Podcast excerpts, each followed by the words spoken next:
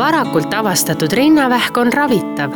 haigekassa kutsub kõiki tuhande üheksasaja viiekümne viiendal, viiekümne seitsmendal, viiekümne üheksandal, kuuekümne esimesel, kuuekümne kolmandal, kuuekümne viiendal ja kuuekümne seitsmendal aastal sündinud ravikindlustatud naisi tasuta rinnavähi sõeluuringule. hooli oma tervisest ja tule sõeluuringule. lisainfo kodulehelt haigekassa.ee Kuku Raadios välja öeldud seisukohad ei pea ühtima Kuku Raadio seisukohtadega. Te kuulate Kuku Raadiot.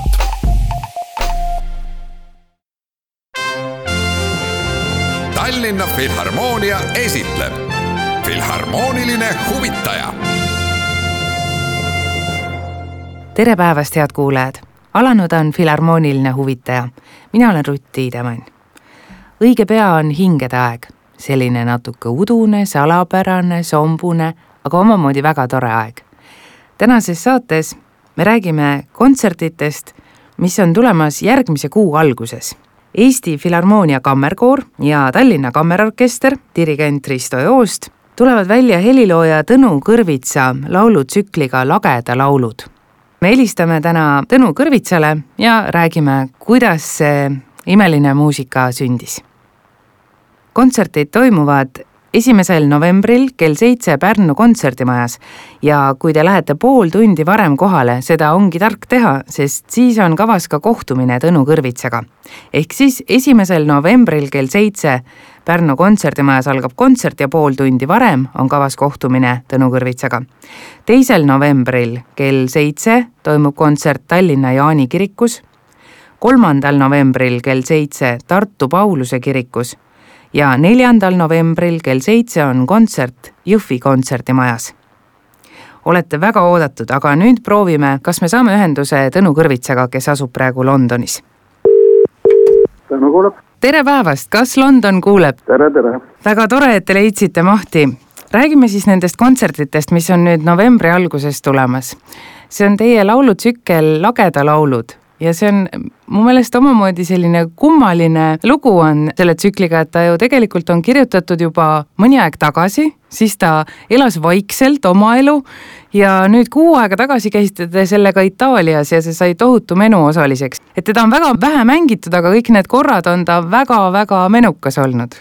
nojah, seda on heliloojal ju raske ennustada, et kuidas mingil lool hakkab minema ja ja kui kui pikk see äh, õhku tõusmise rada on, et teinekord see, see võib olla pikk.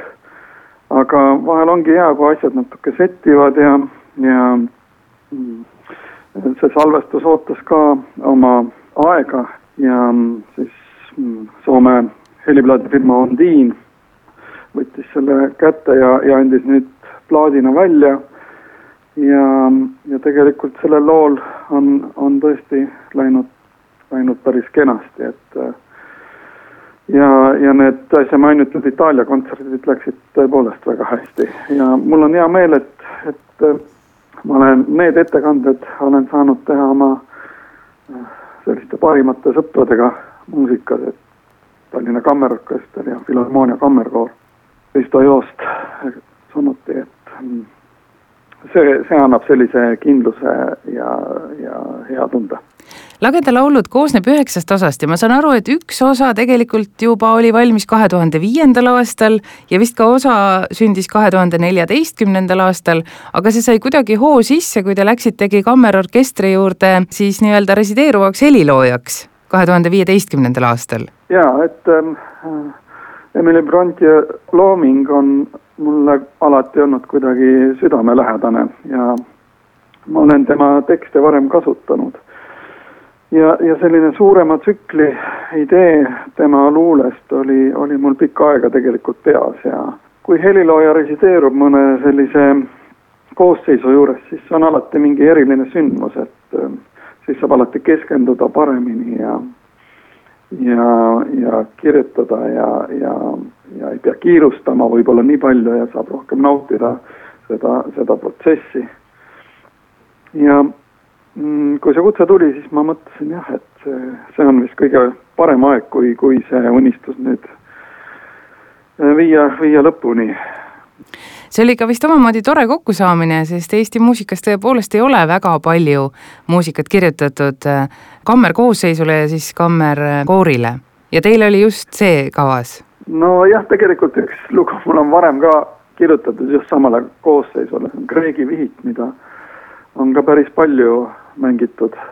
et tegelikult need kaks asja on, on minu, minu ühed lemmikasjad võib-olla, keelpillid ja ja inimhääl.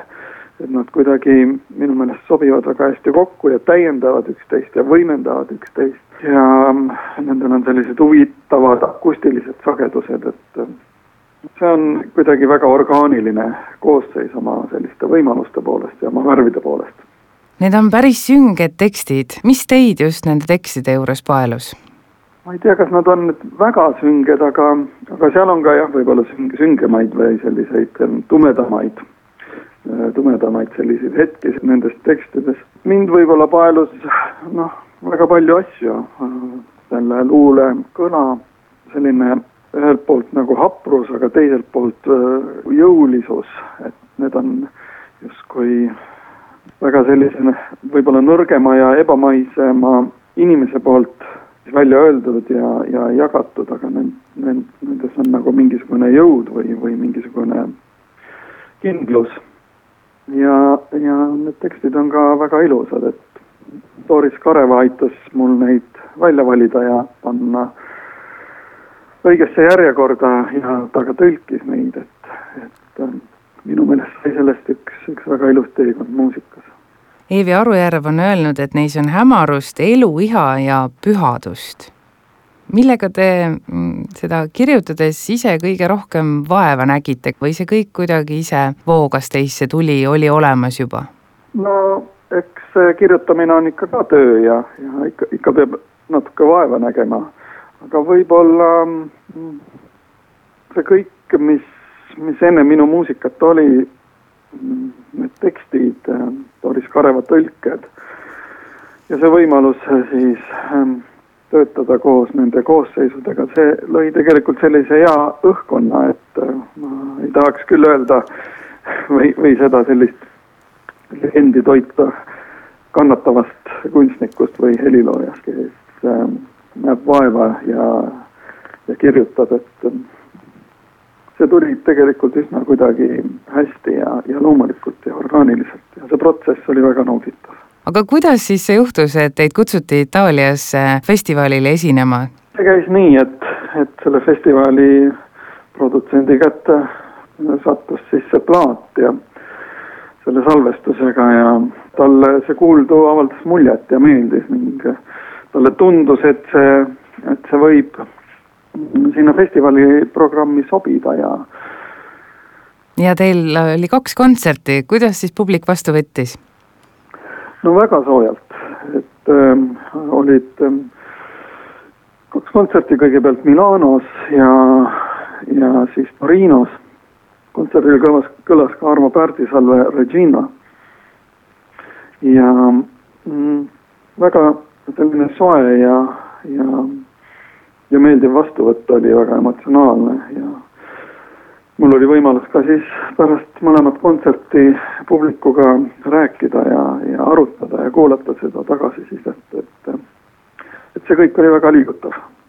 ma arvan ka seda, et selles teoses, nendes tekstides, seal on midagi sellist, mida iga inimene on oma elus tundnud ja mille peale mõelnud, et et see kirg, armastus, üksindus, need on ju kõik kõik sellised asjad, mida, mis on ühele inimesele omased, ükskõik kus ta ka ei ela, kas Itaalias või Eestis, et äh, see on midagi sellist, mis on inimesele omane. nüüd on siis tõepoolest neljal õhtul võimalik ka Eesti publikul taaskord äh, kuulata Tõnu Kõrvitsa lageda laulude tsüklit ka eestlastel on võimalik teiega kokku saada, kuidas teile meeldivad sellised õhtud, kohtumised publikuga, kus te saate rääkida, mitte ainult teie muusika ei tule esitlusele, vaid ka te ise saate küsimustele vastata ja inimestega kohtuda? no mm, Eestis võib-olla on, on sellist asja kasutatud vähem, sellist, inglise keeles on selle kohta väljend pre-concert talk. Eestis on sageli ikkagi kontsert algab ja, ja kõlab muusika, aga välismaal ja eriti Ameerikas on selliseid mm, enne kontserdi eelseid kohtumisi väga sageli, võib-olla isegi enamasti. ja no oleneb olukorrast, välismaal kontserditel olles olen ma seda korduvalt teinud ja ennast päris hästi tundnud oma muusikast rääkides Eestis on võib-olla natuke keerulisem, et seal on kindlasti mõned tuttavad näod publiku hulgas ja et, et, et see on võib-olla teistmoodi, teistmoodi tunne, aga selge on see, et helilooja peab oma muusikast äh, rääkima ja, ja inimesed ehk tahavad seda ka kuulata, ma ise tunnen, et ma ei ole võib-olla nii hea rääkija, kui, kui on mõni teine, et aga, aga ma ikkagi püüan anda oma parima kõik, kellel on huvi, saavad siis minna vaatama ja kuulama, kui hea rääkija on Tõnu Kõrvits. juba esimesel novembril, kontsert hakkab kell seitse, aga kohtumine on siis kavas kell pool seitse Pärnu kontserdimajas. aga teiste kontsertide eest sellist kohtumist ei ole, see on ainult ühel korral Pärnus ja, ja Tallinnas samuti kahe, kahe kontserdi eel. no Tallinnas on Jaani kirikus kontsert siis teisel novembril. ja kas seal on samamoodi pool seitse siis saab? samamoodi jah mm, -hmm. kontserti on väike kohtumine, kes soovib. Tõnu Kõrvits, ma tahaksin ühe seiga veel ära tuua. Violamängija Karin Sarv on öelnud teie kohta, et on tunda, kuidas helilooja naudib seda, kuhu ta on oma elus jõudnud, seda rahulolu ja küpsust oma arenguga ja see pakub naudingut ka siis interpreedile. kas see on nii, et te naudite seda, kuhu te praegu olete jõudnud oma loominguga? jaa, ma arvan küll, et pillimängijad võib-olla teevad paremini, et et läheb võib-olla aega, kui, kui, kui leida selline päris oma toon. Ja kui sa ka selle kord oled leidnud, selle oma sellise aia, siis on, on hea selle eest hoolt kanda ja, ja, ja seda rehitseda ja seal uusi taimi istutada, et, et, et nii see on jah, et, et, et tõepoolest, et muusikat peab olema hea tunne kirjutada. Milline hingetaeg teie jaoks on? ma arvan, et ma ei ole väga originaalne, kui ma ütlen, et, et võib-olla see ongi aeg, kui igaüks peaks enda sisse natuke vaatama. aga mõtleme ka, mõtleme ka nende peale, keda võib-olla ei ole meie kõrval. ja, ja mõtleme kõigele, mõtleme elu peale ja muusika peale ka suur-suur aitäh teile, Tõnu Kõrvits, selle intervjuu eest ja ma usun, et kõik inimesed, kes tulevad kontserditele, kas esimesel, teisel, kolmandal või neljandal, siis erinevates Eesti linnades, leiavad ka selle miski iseenda jaoks, mis sel ajal just kõige õigem on ja, ja kõige rohkem liigutab. suur tänu teile! aitäh veel kord ja head päeva! Tallinna Filharmoonia esitleb Filharmooniline huvitaja